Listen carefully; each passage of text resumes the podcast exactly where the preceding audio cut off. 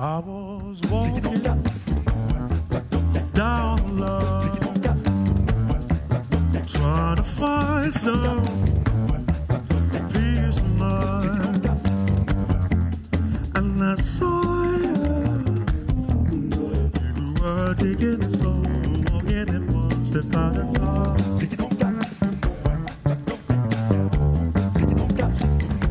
I said, listen, stranger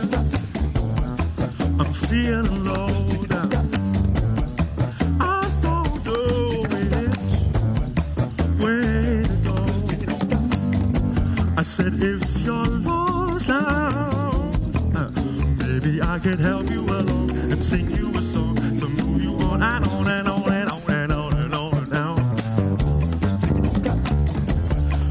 down the line. Where shall we go? Where shall we go now?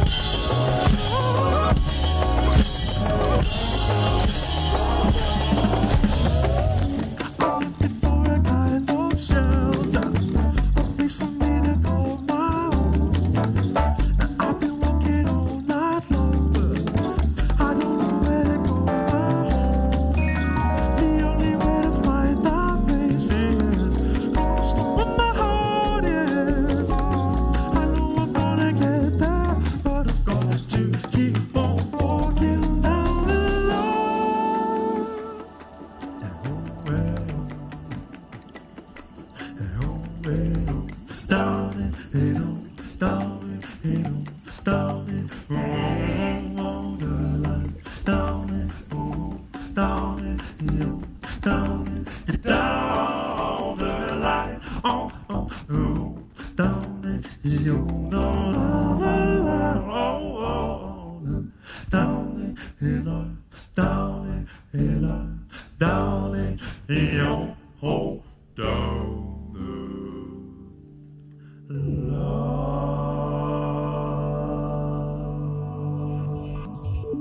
Thank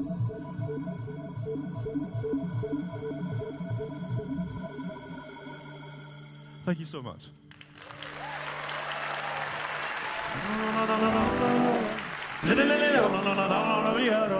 How's everybody feeling today? Feeling good?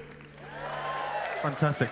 Would, every, would everybody mind singing with me for just one second? Could you sing something? Could you sing a D? Sing ooh. Everyone sing ooh.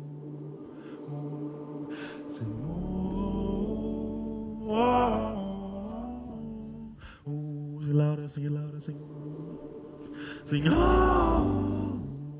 Sing oh. Now, please, if you could sing. Ooh.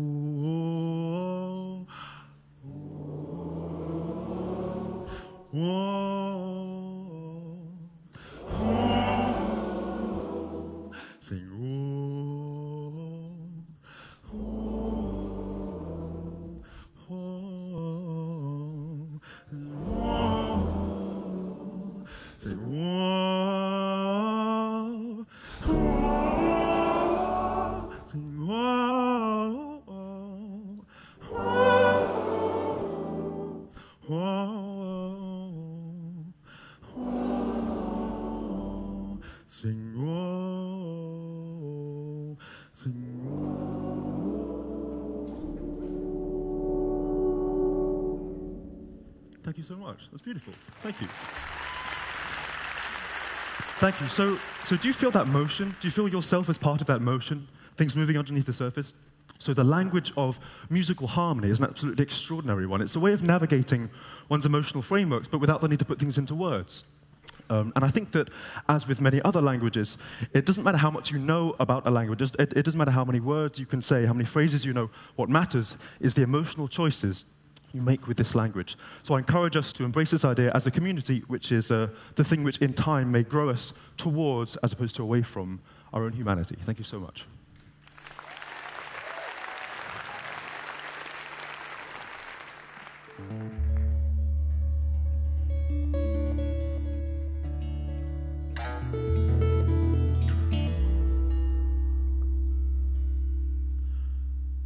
Take me anywhere you want to go. You know that my love is strong in my hideaway.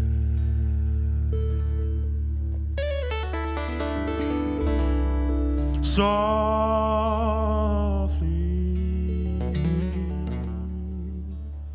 like the calm that follows storm.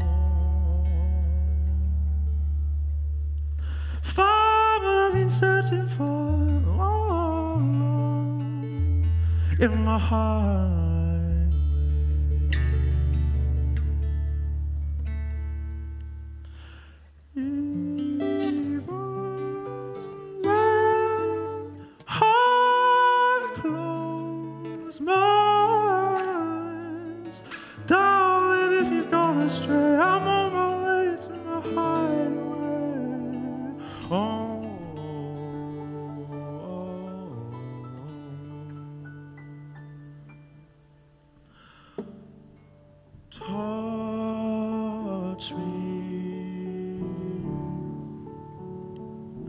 Like I've never loved before. In a place that I adore, in the hideaway.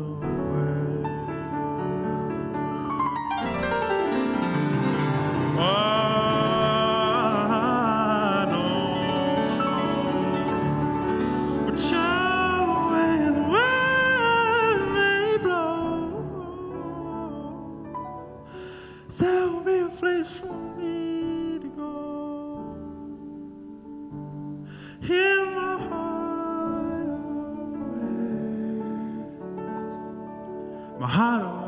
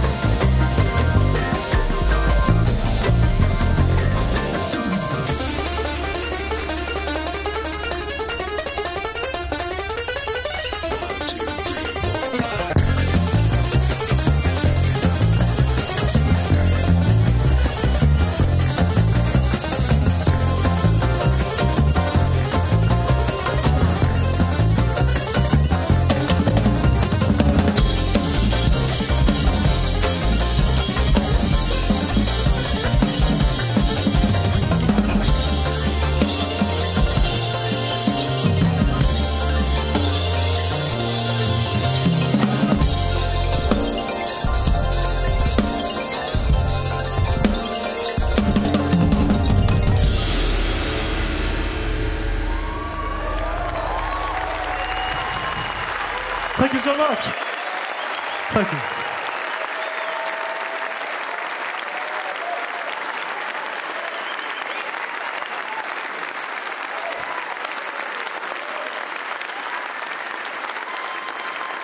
Thank you. Thanks so much. Thank you, guys.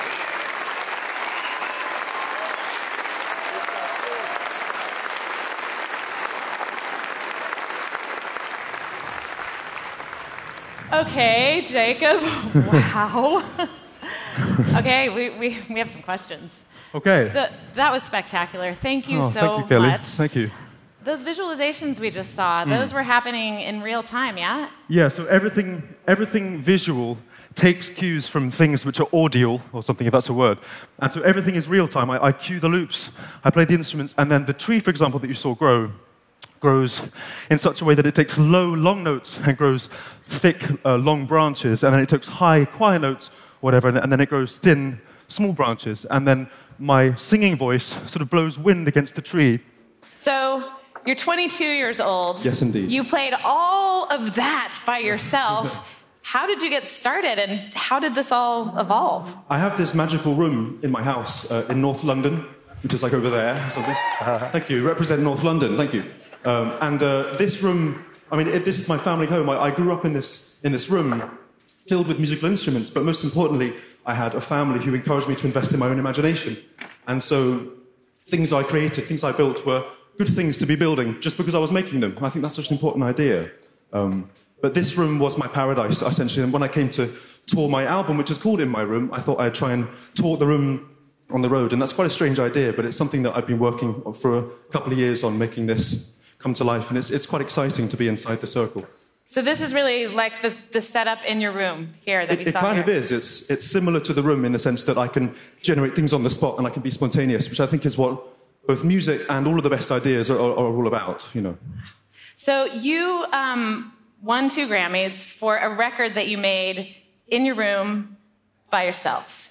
And how is that even possible? I mean, you know, that, we couldn't have done that. That couldn't have happened five years ago, even. Right, no, it's a brand new world. Um, the power is now in the hands of the creator, as I'm sure you guys would agree, as opposed to the sort of the, the big record company executive or the big man or something like that. It's somebody with a good idea. I mean, here I am at TED saying this to you guys who know this already, but it's somebody with a good idea who can sow that seed. That's the person who carries the torch into the world. And yeah, I made this album completely on my own, um, and I didn't, I didn't wait for anybody to do it. I didn't wait for somebody to say, hey, Jacob, you should make an album on your own.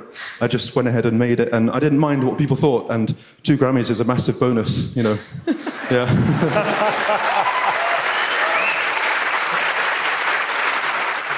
Thank you so much, Jacob. Thanks, Kelly. Thanks so much. Thank you. you. guys. Thanks. Thank you.